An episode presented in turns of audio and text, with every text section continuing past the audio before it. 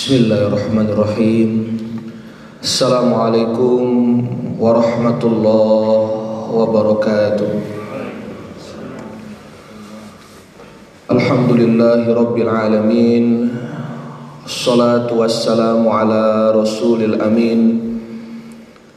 Sayyidina wa habibina wa maulana Muhammad Sallallahu alaihi wasallam وعلى آله وأصحابه أجمعين. أشهد أن لا إله إلا الله وأشهد أن محمد رسول الله.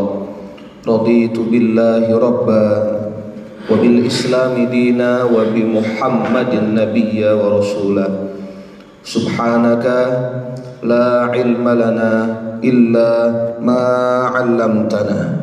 إن أنت العليم الحكيم.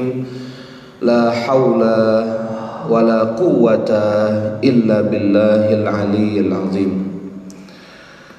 Ikhwatal iman jamaah salat subuh yang insya Allah Semoga kita semua dalam rahmat Allah subhanahu wa ta'ala.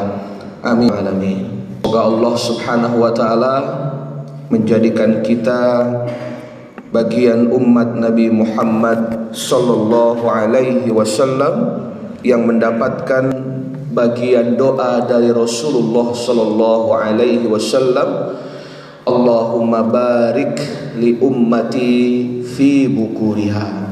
Ya Allah berkahilah umatku di setiap pagi harinya. Semoga kita semua senantiasa dalam berkah rahmat dan ampunan Allah Subhanahu wa taala. Amin ya rabbal alamin. Jamaah yang dimuliakan Allah Subhanahu wa taala, dua hari belakangan di media sosial dan akhirnya kemarin di TV One viral sebuah pernyataan tentang tiga orang anak yang meninggalkan ibu kandungnya di panti lansia. Sebut saja nenek terima. Usia 65 tahun yang dibawa oleh anaknya kalau saya tidak salah dari Jogja ke Magelang kemudian dilepas di sebuah panti sosial khusus lansia oleh ketiga putra putrinya. Yang menjadi viral adalah pernyataan tiga putra putri beliau dalam sebuah surat pernyataan yang ditanda tangani dengan penuh kesadaran tanpa paksaan di atas materai. Saya bacakan. Kami yang bertanda tangan di bawah ini adalah tiga bersaudara, anak kandung dari Ibu Terima. Usia 65 tahun, yang beralamat di desa bla bla bla, kecamatan bla bla bla, Kabupaten Magelang, Jawa Tengah dengan rincian sebagai berikut. Anak pertama kakak tertua, anak kedua tengah, anak ketiga bungsu. Anak pertama itu adalah laki-laki dan dua adiknya perempuan. Bersepakat untuk menyerahkan perawatan orang tua kami kepada Gria Lansia Husnul Khatimah Malang dikarenakan kesibukan kami masing-masing. Di garis bawahi dikarenakan kesibukan kami masing-masing. Apabila orang tua kami meninggal dunia, maka kami menyerahkan proses pemakaman orang tua kami kepada Gria Lansia Husnul Khatimah. Surat ini dibuat tanpa paksaan pihak mana pun ditanda tangani. Allahu Akbar. TV One melakukan telewicara dengan anak paling besar beliau kemarin dan Ibu Terima juga. Surat ini dibuat tanggal 27 Oktober. Ibu terima sampai di Panti Lansia tanggal 28 Oktober dan baru kemarin tanggal 2 November telewicara langsung dengan TV One. Berarti berapa hari itu? Kurang lebih 3 sampai 4 hari setelah ibunya ditinggalkan di panti lansia. Kemudian ditanyalah oleh presenter, bagaimana ibu selama di sana? Alhamdulillah senang, kegiatannya banyak, diperhatikan, makannya, minumnya, buang airnya, ibadahnya. Kemudian apa yang ibu inginkan, apa yang ibu rindukan? Selama empat hari saya tidak pernah ditelepon anak saya katanya. Setelah diletakkan di panti itu saya tidak pernah ditelepon oleh anak saya. Kemudian baru saat ini dengan TV One saya bisa bicara dengan anak saya. Ditanyalah anak pertama oleh presenter TV One, apa alasannya? Di dalam surat dia katakan tidak bisa merawat karena kesibukan masing-masing. Saya ingin bahas ini dulu. Allah Subhanahu wa taala berfirman, "Imma yablughanna indakal kibaru ahaduhuma aw kilahuma." Kalau salah satu atau dua-duanya berusia lanjut dalam pemeliharaanmu Berarti dalam ayat ini seakan-akan orang tua usia lanjut itu berada dalam penguasaan anak-anaknya. Ayat ini secara implisit memberikan informasi kepada kita umat Nabi Muhammad sallallahu alaihi wasallam bahwa orang tua usia lanjut sebaiknya dalam tanggungan anak-anaknya. Entah salah satu, entah bergiliran, entah bersama-sama. Yang jelas aukilahuma, dia dalam penguasaanmu, dia dalam tanggunganmu. Berarti kalau ada sebuah perbuatan di luar ayat ini termasuk uququl walidain. Apa pun alasannya dengan sengaja atau dengan kesepakatan keluarga bersama meletakkan orang tua di panti sosial, panti lansia, apa pun alasannya, apalagi dalam surat ini jelas dikatakan karena kesibukan kami masing-masing bertentangan dengan perintah Allah. Di hadapan kami jamaah orang tua-orang tua kami semua dan saya pun memiliki orang tua. Maka sebaik-baik rumah, sebaik-baik istana, sebaik-baik rumah tangga adalah rumah tangga dan rumah yang dekat dengan orang tua. Sebaik-baik rumah tangga adalah rumah tangga, rumah tangga yang peduli dengan orang tua. Allah sampaikan kalau dalam pemeliharaanmu fala taqullahuma uff Jangan pernah mengatakan kepadanya uff ah ucapan negasi apa pun sekecil apa pun terhadap orang tua kita. Wala tanharhuma, jangan dibentak. Tanharhuma jangan naik suara. Tanharhuma jangan mencuekkan. Tanharhuma jangan menghilangkan perhatian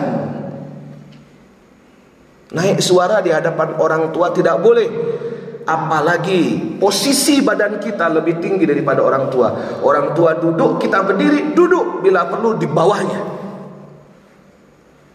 Di Lombok, kalau orang tua duduk di kursi, kita duduk di kursi itu kasoan namanya. Masih kurang sopan. Bila perlu kita di bawahnya, di lantai, ngemper.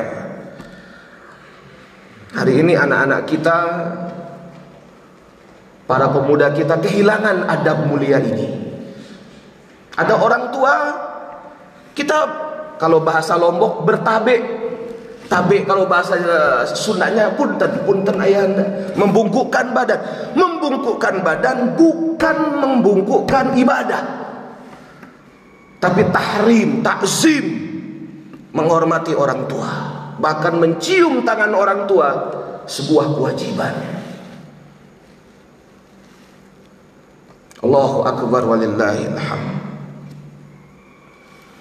wa qul lahuma qawlan karima katakan kepada mereka perkataan yang membahagiakan menyenangkan memuliakan mereka. Perintah Allah. Kalau berkata saja harus menyenangkan memuliakan bahasa lainnya belikan mereka baju belikan mereka makanan kasih perhatian itu merupakan qaulan karimah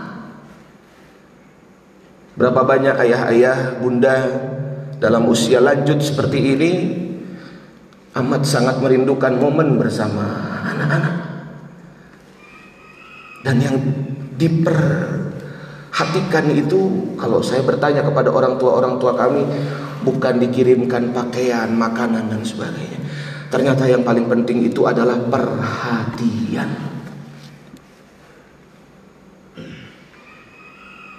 Allahu Akbar walillahil hamd. Yang kedua, tidak bisa merawat karena kesibukan masing-masing. Allahu Akbar. Ya Rasulullah, siapa yang aku cintai setelah engkau? Ummuk. Siapa lagi ya Rasul? Ummuk.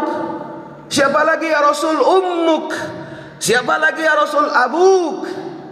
Ibu, ibu, ibu, bapak. Jelas.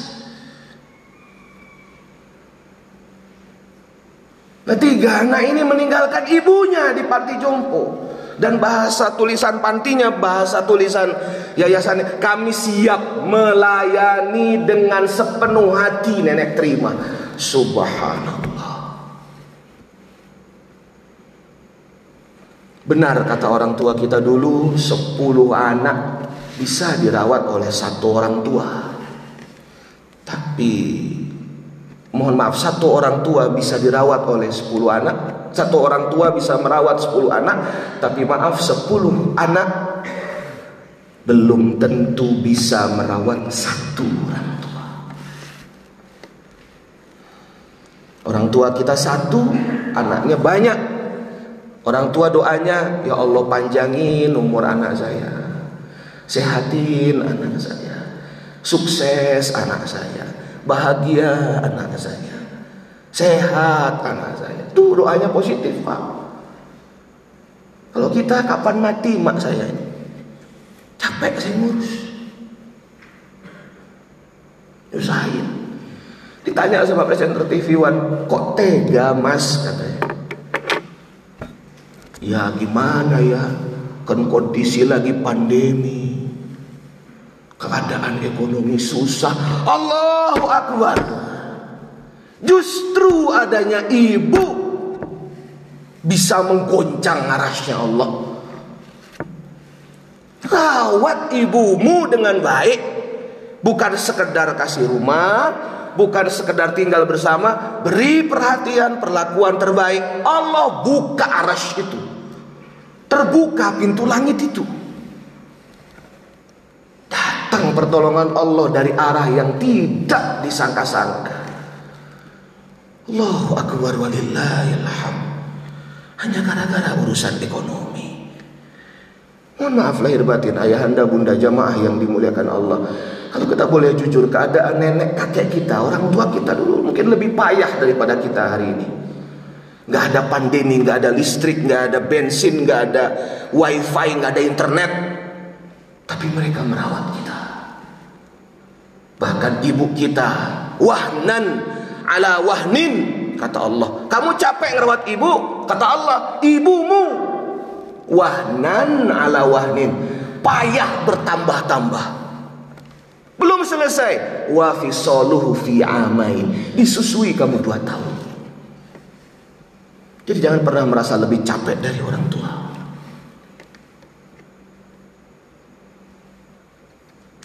Ya,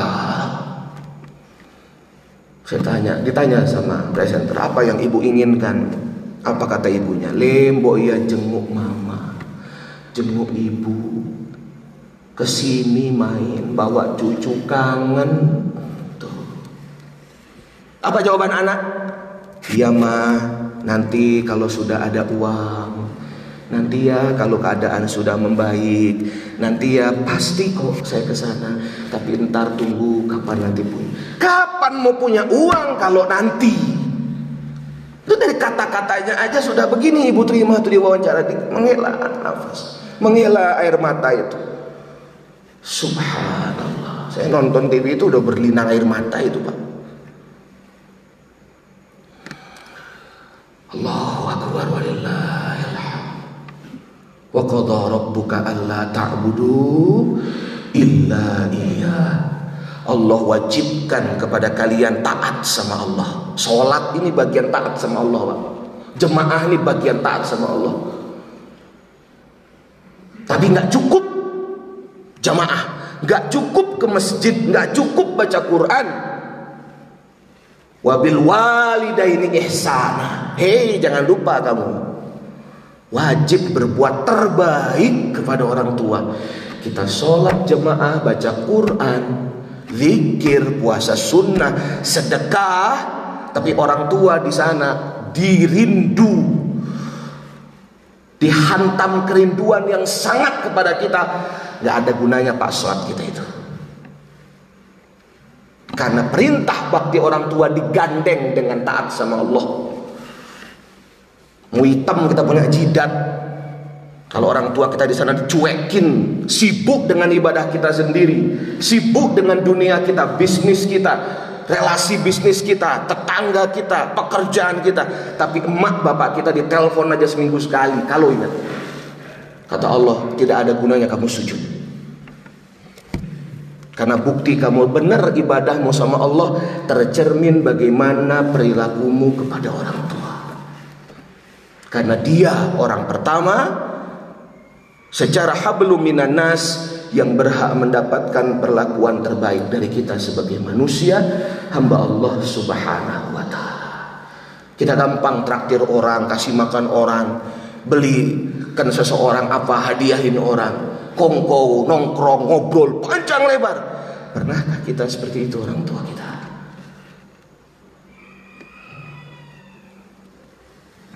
Allahu akbar walillahilhamd.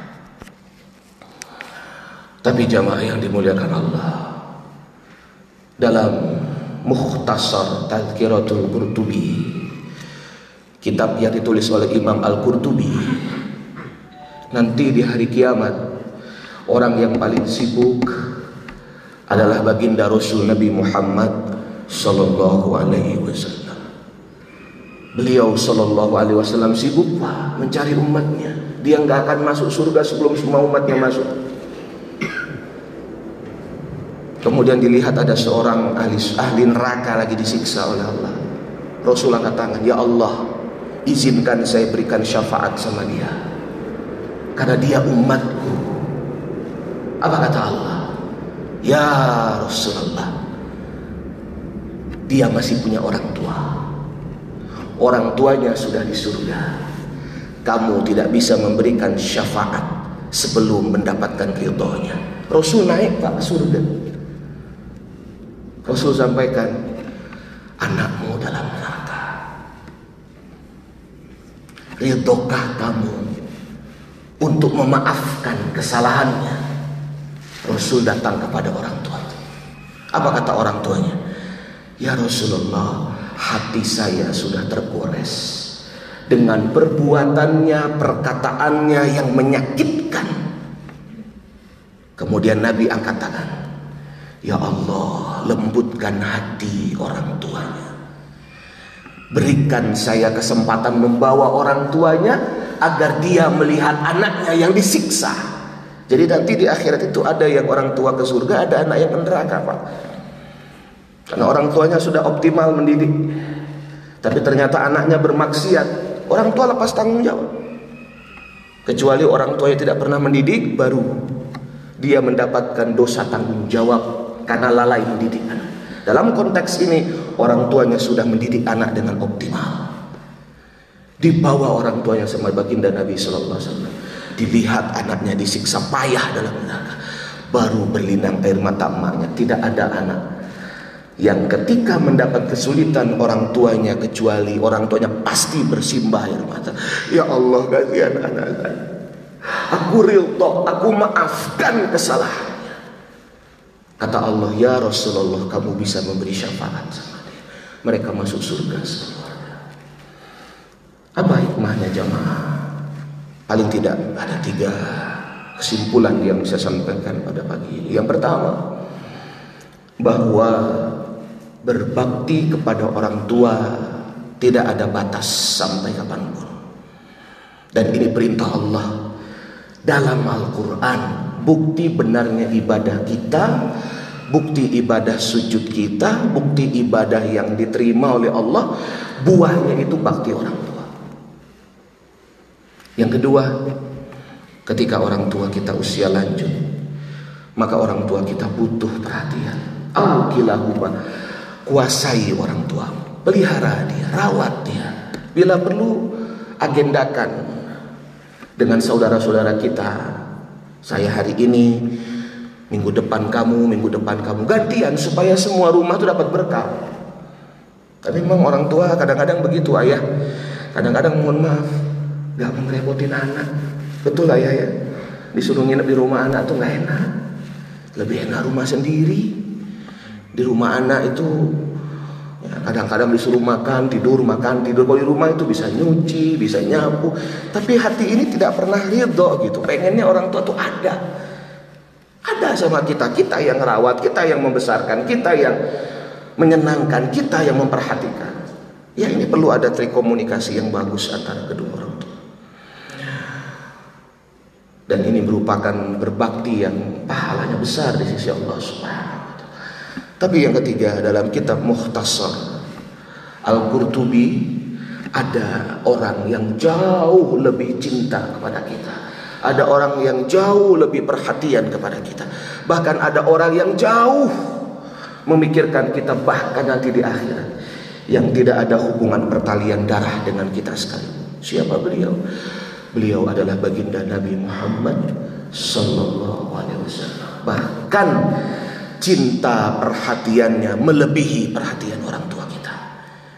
Kata para ulama, pancing syafaat Rasul Shallallahu Alaihi Wasallam itu dengan kita birrul walidain, dengan kita berbakti kepada orang tua, dengan kita menyenangkan orang tua, berbakti kepada orang tua, kita sedang menyenangkan Nabi Muhammad Sallallahu Alaihi Wasallam. Di akhir kultum ini mari kita sama-sama berdoa kepada Allah Subhanahu wa taala. Semoga orang tua kita yang masih hidup Allah berikan panjang umur dalam taat kepada Allah. Allah berikan kesehatan lahir batin orang tua saya Abi Ihsan. Semoga Allah berikan kesembuhan, Allah angkat penyakitnya. Allah berikan kesembuhan tanpa tersisa sedikit pun penyakit. Untuk ayah-ayah saya semua di sini, orang tua-orang tua kami di sini, jamaah-jamaah kami di Masjid Al Muhajirin. Saya doakan semoga Allah panjangkan umur ayah dan bunda semuanya. Kemarin ayah anda ngadimin sudah pulang. Entah siapa lagi yang pulang setelah ini. Ayah anda ngadimin selalu datang 30 menit sebelum adzan. Kalau ketemu sama saya menjelang maghrib ketika bantu Pak Sairin nyalain lampu, nyalain AC, beliau datang buka masker, assalamualaikum Pak Ustaz Senyum wajah ya Allah. Saya ini anaknya Pak, jangan bilang Pak Ustaz. Enggak, Bapak Pak Ustaz. Ya, beliau ajarin adab Pak kepada saya. Saya bukan ingin dipanggil Pak Ustaz, tapi beliau ajarkan adab kepada saya. Ardi, kamu berhadapan dengan orang tua tuh kayak begini caranya. Senyum, sapa, salam, ramah. Semoga orang tua kita yang telah wafat Allah berikan ampunan, Allah lapangkan kubur, Allah berikan terang dalam kuburnya, Allah terima iman Islam ibadahnya. Allah temani dalam kesendiriannya di dalam kubur. Dan Allah jadikan kita jamaah muhajirin menjadi anak-anak yang berbakti kepada orang tua kita. Kita hadiahkan surah Al-Fatihah untuk orang tua kita. Semoga dengan surah Al-Fatihah ini Allah jadikan kita sebagai anak yang terus berbakti kepada orang tua kita dan kelak di akhirat kita mendapatkan syafaat Rasulullah sallallahu alaihi wasallam asbab sebab kita berbakti kepada orang tua kita. Ala hadhihi niyah.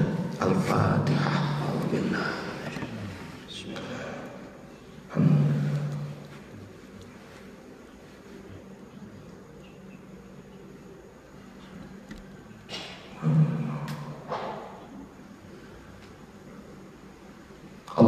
واغفر لنا ذنوبنا ولوالدينا وارحمهم كما ربونا صغارا ولجميع المسلمين والمسلمات والمؤمنين والمؤمنات الأحياء منهم والأموات تقبل منا إنك أنت السميع العليم وتب علينا إنك أنت وصلى الله nabiyyina Muhammad walhamdulillahi rabbil alamin. Subhanakallahumma bihamdika asyhadu an la ilaha illa anta astaghfiruka wa atubu ilaik. Assalamualaikum warahmatullahi wabarakatuh.